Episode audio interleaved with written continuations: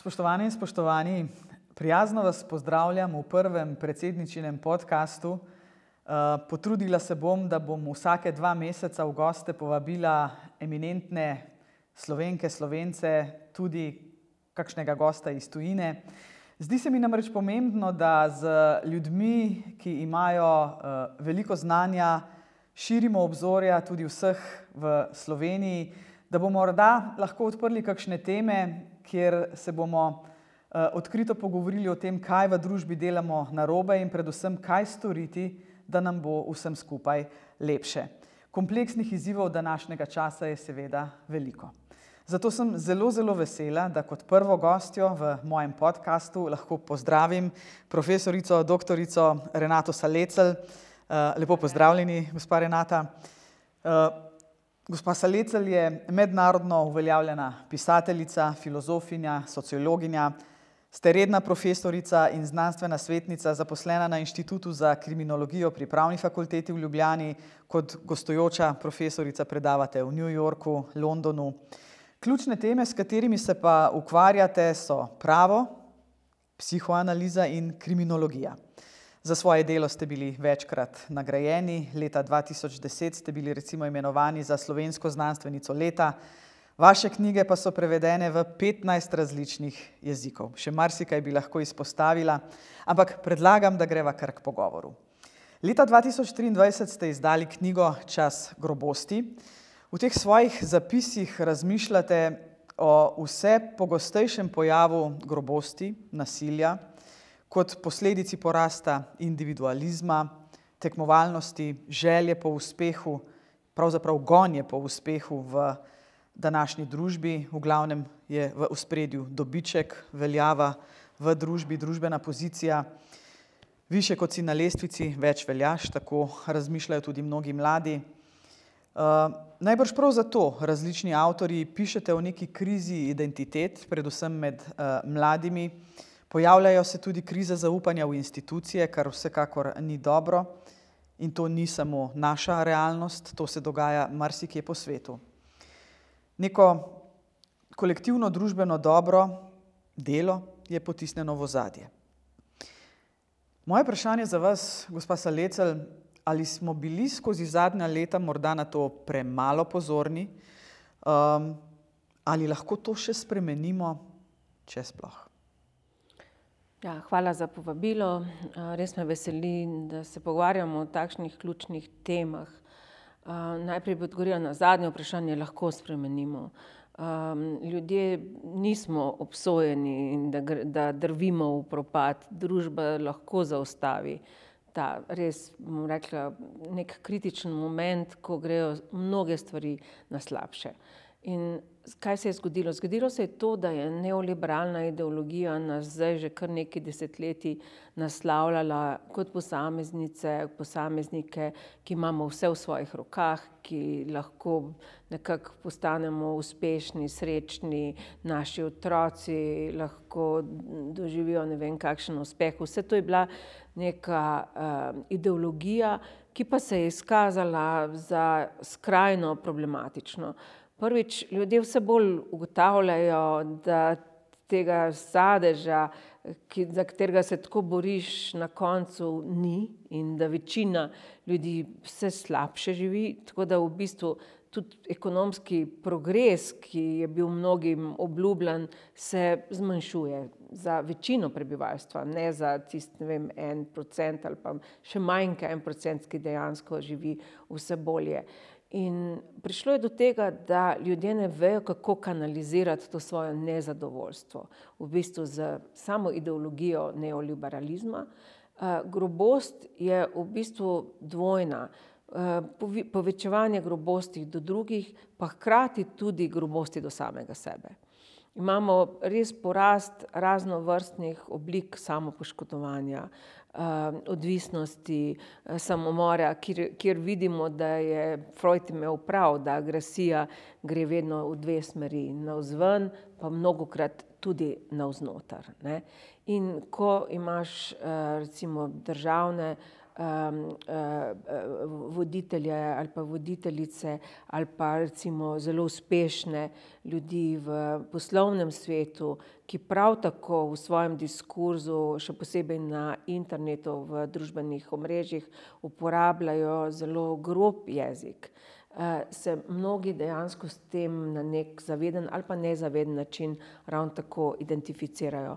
Skratka, nek. A vas prav razumem, se opravičujem, Ja. ker vas preklinjam, da so tudi družbena omrežja zelo, zelo veliko prispevala k temu, da je stanje v družbi danes takšno, kot je. Torej mnogo individualizma, nobene kolektivne zavesti in precej jeze. Ja, in družbena omrežja nam dajo neko iluzijo anonimnosti. Um, ti si lažje agresiven do nekoga, če ga ne vidiš, ker pač nekako nimaš občutka nekega stika z, z drugo osebo. Uh, in ko pošlješ neko sporočilo ali nekaj daš na internet, mnogokrat lahko na nek način to odmisliš. Uh, ne čutiš se odgovornega. Uh, zelo veliko težje je recimo v neposrednem odnosu biti recimo grob. Mnogi imamo občutek krivde, se zaustavimo, medtem ko pa ta anonimnost na internetu odpira vrata agresivnosti in hkrati nažalost uh, vemo, da algoritmi dejansko Potencirajo. širjenje takšnih eh, sporočil. Sporočil, ki eh, so provokativna, ki so recimo polna jeza, ki recimo tudi vsebujejo lažne novice ali pa teorije zarote. No in če imamo občutek, da zadnja leta nekako živimo z imperativom, pravzaprav že, ne? najprej poskrbi zase, potem šele za druge, se vendarle posamezniki, predvsem v času nekih kriznih razmer, zberejo, spravijo skupaj. Zadnje poplave v Sloveniji so pokazale res izjemno solidarnost. Koliko enih drobnih zgodb, recimo ena je takih je, kot dva soseda 20 let med seboj nista govorila, pa sta ob poplavah pomagala drug drugemu. Um, a nam to vendarle pove, da smo pa nekaj v družbi delali prav? Namreč, če se vsaj ob takih situacijah zberemo skupaj, smo solidarni, meni je bilo res toplo pri srcu, ko sem to gledala v Sloveniji. Ampak sprašujem pa se, zakaj te moči solidarnosti, te energije ne kažemo bolj pogosto. Da nas šele katastrofe zbudijo, v nas vzbudijo neko empatijo, na dnevni bazi je pa tega morda premalo. Um, zakaj pravzaprav samo katastrofe prebudijo to človečnost v nas, pa če govorijo o vojnah ali posledicah naravnih katastrof? To smo lahko opazili marsikje. Jaz sem bila slučajno v Združenih državah Amerike po 11. septembru uh, in je bilo zelo podobno. Izjemna solidarnost, sosedi, ki nikoli niso govorili, so si prihajali uh, nasproti, eh, nosili hrano in tako naprej. Tudi v začetku pandemije smo imeli nek kratko obdobje hitre solidarnosti, pomoči pri nas ravno tako.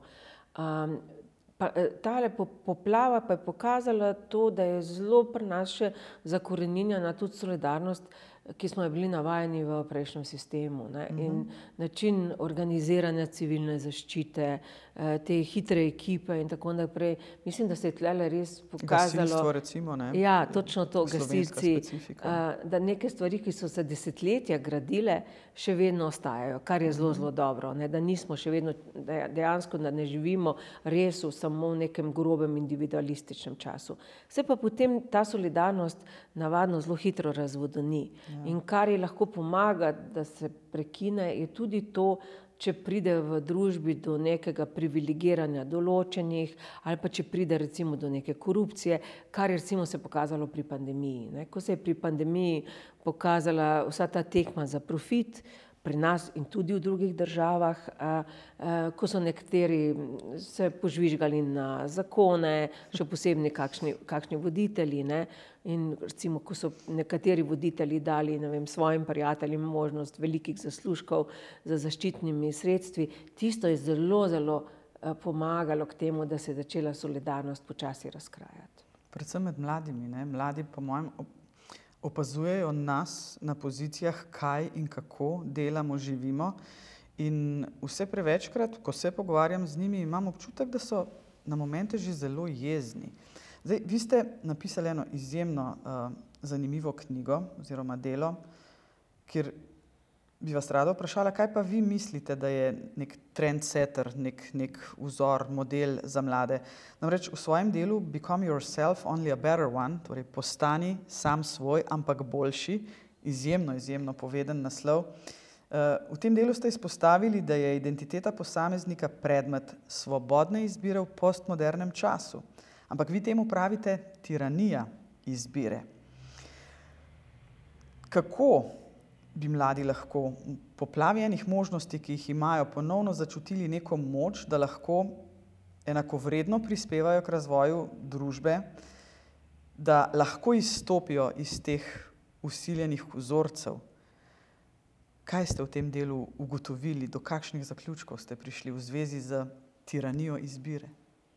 Ja, zdaj, v bistvu lahko imamo občutek, da si lahko recimo, um, identiteto um, zelo, zelo svobodno zberemo, ampak mnogokrat smo zelo vseeno vezani na, ne, na neke družbene norme, na neko situacijo, v kateri živimo.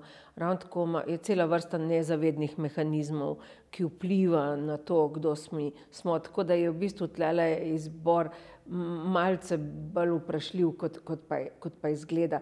Izbor katere koli identitete. Ne. Zdaj, identiteta je vedno nekaj precej nefiksnega. Ne. Danes imam identiteto, ja. jutri jo, jo pa recimo nimam, lahko jo zamenjamo, lahko jo pa tudi izgubimo. Recimo, mi smo bili rojeni v bivši Jugoslaviji, imeli smo neko identiteto povezano s to državo. Recimo nekateri, še posebej ne vem, v Bosni in Hercegovini, so se močno identificirali z idejo neke transnacionalne skupnosti. Ne.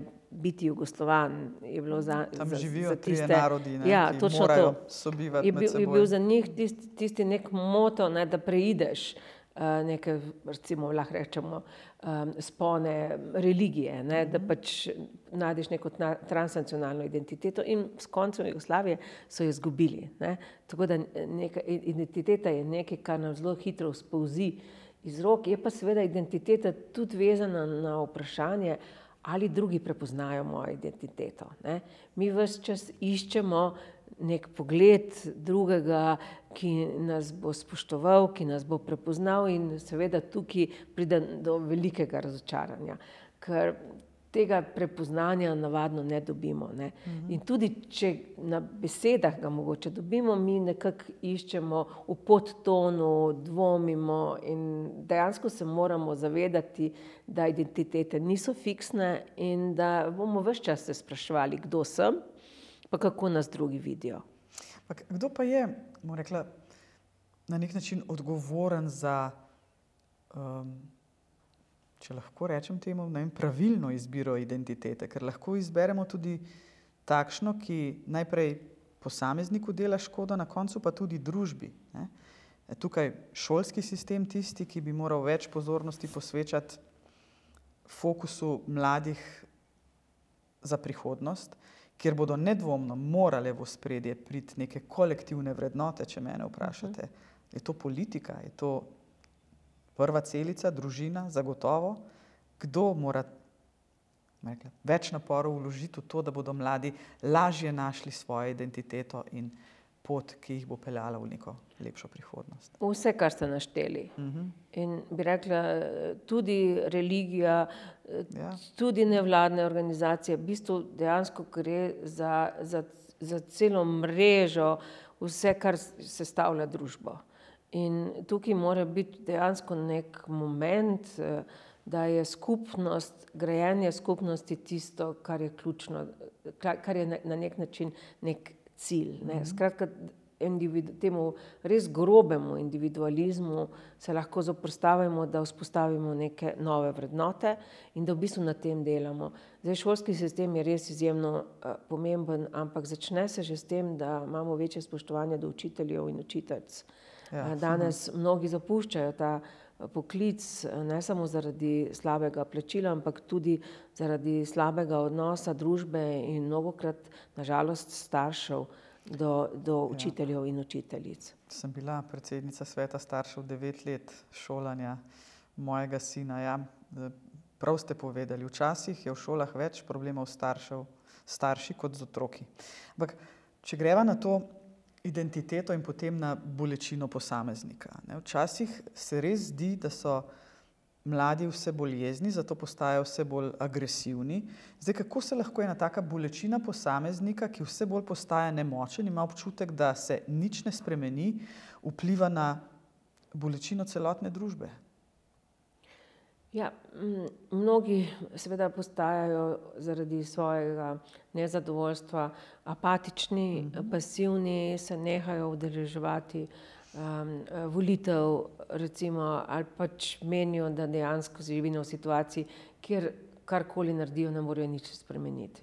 Zdaj, ena zelo pomembna stvar za mlade danes so klimatske spremembe. Ja. Ko vidijo, da se tukaj ne premika čisto nič na bolje, Jaz razumem na nek način ta brezup, mnogo krat tudi tesnobo, razmišljanje, v kakšno družbo drvimo. Ko hkrati vidijo porast avtoritarizma, danes je tri četrt držav na svetu avtoritarnih ali pa gredo v smer avtoritarnosti. Se jim tukaj tudi pojavlja vprašanje, ne, kako v bistvu politične sisteme na nek način spremeniti, narediti bolj demokratične, kako spet začeti razmišljati o človekovih pravicah, o recimo vrednosti človekovega življenja, o tem, da si na nek način plačan eh, adekvatno za svoje delo. Skratka, vsa ta vprašanja mladi vidijo, ostajajo nerazrečena in potisnjena na stran. Pravzaprav jaz vidim, da je jeza lahko nek dober motivator da pride do sprememb. Jezo ne smemo imeti negativno. Ne, ne vedno. Ja. Mnogo krat, eh, šele takrat, ko se ljudje do določene mere razjezijo, naredijo nek korak k spremembi. Ker nasprotje je lahko dejansko prevelika pasivnost in prevelik občutek krivde.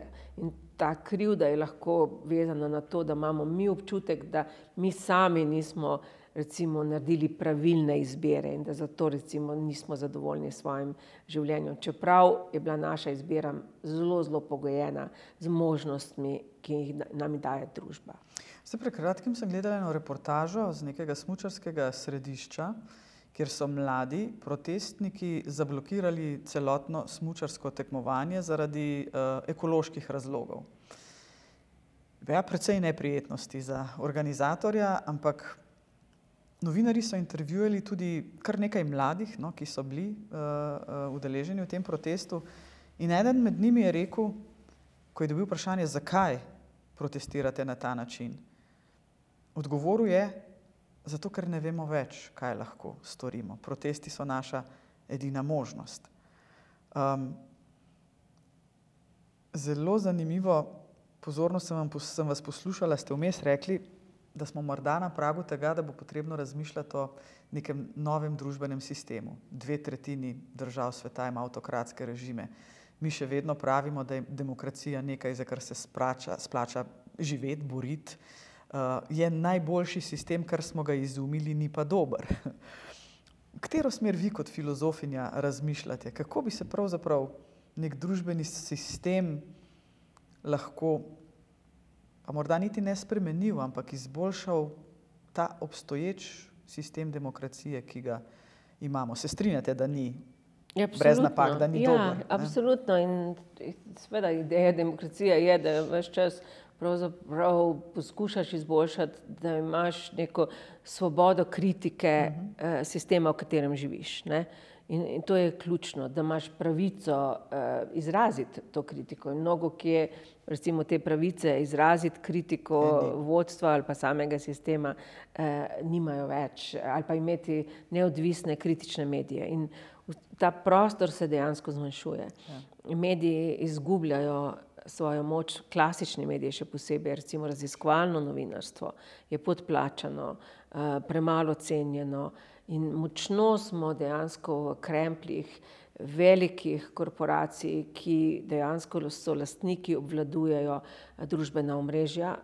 Mi zdaj prihajamo v naslednjem letu v situacijo, kjer bomo imeli v svetu štirideset različnih in zelo pomembnih volitev. Zdaj se vsi sprašujemo, do kakšnih manipulacij bo prišlo v prihodnosti, še posebno s pomočjo umetne inteligence.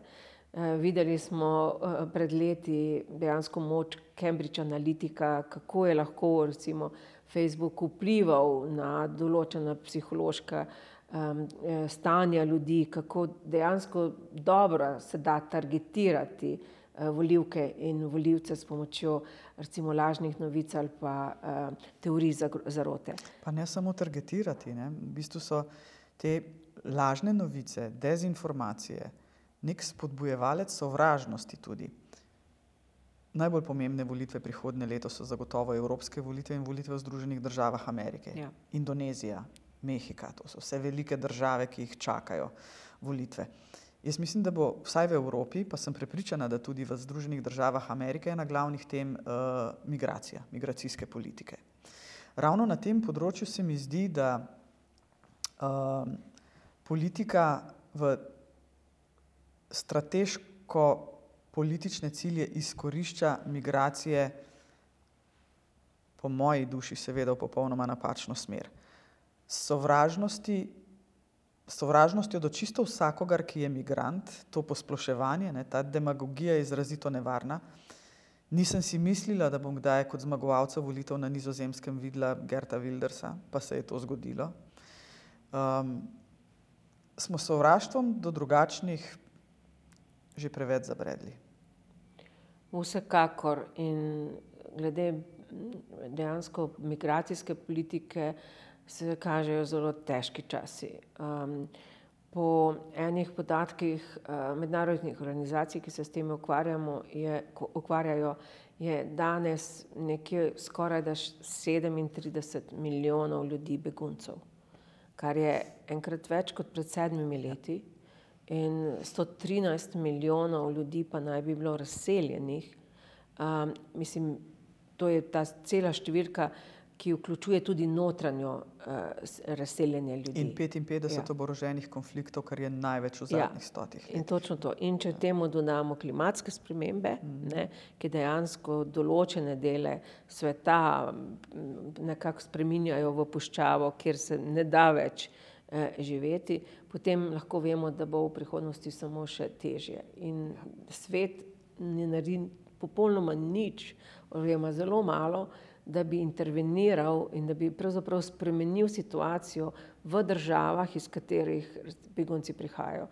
Če razmišljamo seveda tudi, da imamo toliko vojaških konfliktov v teh revnih državah, ki res prisilijo ljudi, da odidejo, ne, potem dejansko vidimo, da gre za, za zelo, zelo kompleksen problem, kjer ne moremo mi kot Evropa ostati samo na prepričanju, da bomo rešili situacijo s tem, da zapremo vrata in da pravzaprav onemogočamo ljudem, da se selijo oziroma bežijo iz nemogočih situacij, ne. In kot vidimo pri klimatskih spremembah, koraki, ki jih delamo, so minimalni, mnogokrat pa grejo pravzaprav koraki nazaj in ne naprej. Zato sem glede tega izjemno pesimistična in res predvidevam, če ne bo mednarodne akcije, velike mednarodne akcije na političnem nivoju, ne, pa tudi, bom tako rekla, neke resne jeze prebivalstva nad tem, da se nič ne dogaja, se ne bomo premaknili naprej. Na žalost v bistvu se nekateri morajo celo posluževati sodnih postopkov. Letošnje leto smo videli recimo mlade in ne tako mlade na Portugalskem, ki so recimo se poslužili sodnih postopkov, da tožijo. Duarte proti triintridesetim državam, med njimi je tudi Slovenija. Točno to. Glede pasivnosti ob klimatskih spremembah in tudi v Švici so se ženske organizacije recimo poslužile sodnih postopkov, da se pritožujejo nad svojo državo in nad njeno pasivnostjo. Tukaj vendarle morava povedati, da osemdeset odstotkov vseh škodljivih izpustov v zrak spustijo države iz skupine Gdvajset. Osemdeset odstotkov. Slovenija seveda ni med temi. Ampak to nas ne odvezuje odgovornosti, da tudi sami ne delamo v to smer. Um, gospa Salecel, že prej ste omenili moderne tehnologije, predvsem umetno inteligenco, ta lahko na marsikaterem področju pomaga, tudi v boju proti podnebnim spremembam. Sama jo seveda spremljam, že iz svojih prejšnjih služb, z mojega prejšnjega uh, uh, udejstvovanja sem spremljala moderne informacijske tehnologije. Veliko dobrega vidim, kaj lahko vse tehnologije prinesajo, predvsem umetna inteligenca, seveda pa so tam tudi pasti. Kje vi vidite, če lahko na kratko, pluse, kje minuse? Ja, tudi jaz nisem um, nek katastrofist glede tega. Ni potrebe. Ne? Ja, menim, da je, je izjemno pomembno, da razumemo prvič, da z umetno inteligenco že dolgo časa živimo, da niso to neke čisto nove stvari, ravno tako z roboti v znanosti, recimo v medicini, tudi v obvladovanju klimatskih sprememb bo lahko naredila neverjeten preskok, uh mhm. -huh. umetna inteligenca. Obsta ja, obstaja pa problem. In sicer to, da je dejansko ta močna tehnologija v rokah samo parih korporacij. Ne? Da zakonodaja recimo šepa. Vedno je šepala za tehnologijo, ampak tukaj zakonodaja se zelo počasi na nek, na nek način spreminja in je tudi dejansko vprašanje, kako dejansko regulirati, na kakšen način. Ampak Evropa dela recimo korake hitreje kot Združene države Amerike. Čeprav je dejansko večina teh korporacij baziranih v Združenih državah Amerike. V, glede družbenih omrežij, seveda je zelo pomembna stvar, da Amerika spremeni pogled na ta omrežja in sicer tako, da jih neha jemljati, dojemati izključno kot platforme, ne, ki niso odgovorne za, za vsebino, ki se tam eh, recimo širi in reproducira. Prav tako eh, algoritmi, smo, s pomočjo katerih eh, se družbena omrežja recimo širijo določena sporočila, ne smejo biti tajni. Ne, in to je ena ključna stvar. Ja. Naslednja stvar je seveda tudi, kdo ima katere podatke. Ne. Vemo, da so veliki podatki danes dojeti kot zlato ali pa kot nova nafta in so v rokah parih privatnih korporacij. Zdaj, mnogi ameriški pravniki trdijo tudi, da je treba preprečiti grajenje takšnih monopolov. Da je, da je pravzaprav njihova zakonodaja tukaj prešipka. Seveda korporacije iz Silicijeve doline pa pravijo, da se ne bodo mogli zoprstaviti kitajski moči, kitajske eh, in njeni uporabi, njenemu razvoju umetne inteligence, če oni ne bojo imeli sami takšnih recimo velikih podjetij. To je ena taka večna tekma ne, med, med, med ja. vele silami. Odprli ste izjemno, izjemno pomembne uh, vidike. Um, jaz bi si res želela, da snovalci umetne inteligence um, bolj poslušajo ne samo informatike in pravnike, tudi pravniki smo včasih morda preosko gledi. Jaz mislim, da mora biti v timih, ki gradijo umetno inteligenco, uh, multidisciplinarna zastopanost. Sociologi, antropologi, ženske, moški, različne rase. To je tisto, kar bo umetno inteligenco naredilo bolj kredibilno, predvsem pa bom še enkrat povdarila to, kar ste živi, odprtost in preglednost algoritmov. Tu se pa ja. popolnoma strinjam z vami. Zdaj pa, če lahko morda zaključiva uh, malce bolj optimistično, ne, veliko zahtevnih tem sva odprli uh, danes. Veste, da jaz še vedno verjamem, da je večina ljudi dobrih. To mene osebno žene naprej in z vsemi srečanji pridem napolnjena, z vseh srečanj pridem napolnjena z neko energijo, ki mi jo ti, ti, ti ljudje uh, dajo. Um, ali tudi vi menite, da je še vedno večina ljudi dobrih? Ali je ravno v tem, v duši, v dobroti, človečnosti, ki jo večina posameznikov, po mojem, nosi v sebi, še vedno luč na koncu tunela? Tudi jaz tako mislim. In če samo še dodamo umetni inteligenci, recimo, tukaj je dost ključna stvar, je zdaj, katere moralne vrednote, katere družbene vrednote se bo pravzaprav preko teh velikih, močnih um, jezikovnih modelov ne, propagiralo. In tukaj se zelo, zelo strinjam z vami, da bo treba razmislek onstran tega, kaj tehnologija lahko omogoči, ampak v bistvu na nek interdisciplinaren raz, razmislek, da se bo pravzaprav razmislilo tudi, kakšno družbo naj ta tehnologija v bistvu gradi in čemu naj se poskuša izogniti. Gospa Renata Salecel, vi ne veste, kako sem vam hvaležna, da vas imamo v Sloveniji, da nam uh, svojimi razmišljanji uh, možgansko viharite naša uh, razmišljanja. Uh, bodite kritični in prodorni še naprej. Prav je, da se oglašate. In uh, iskrena hvala za ta pogovor in upam še na kakšna nova snidanja. Vam pa seveda hvala lepa, ker ste naju poslušali. Do naslednjič. Nasvidenje.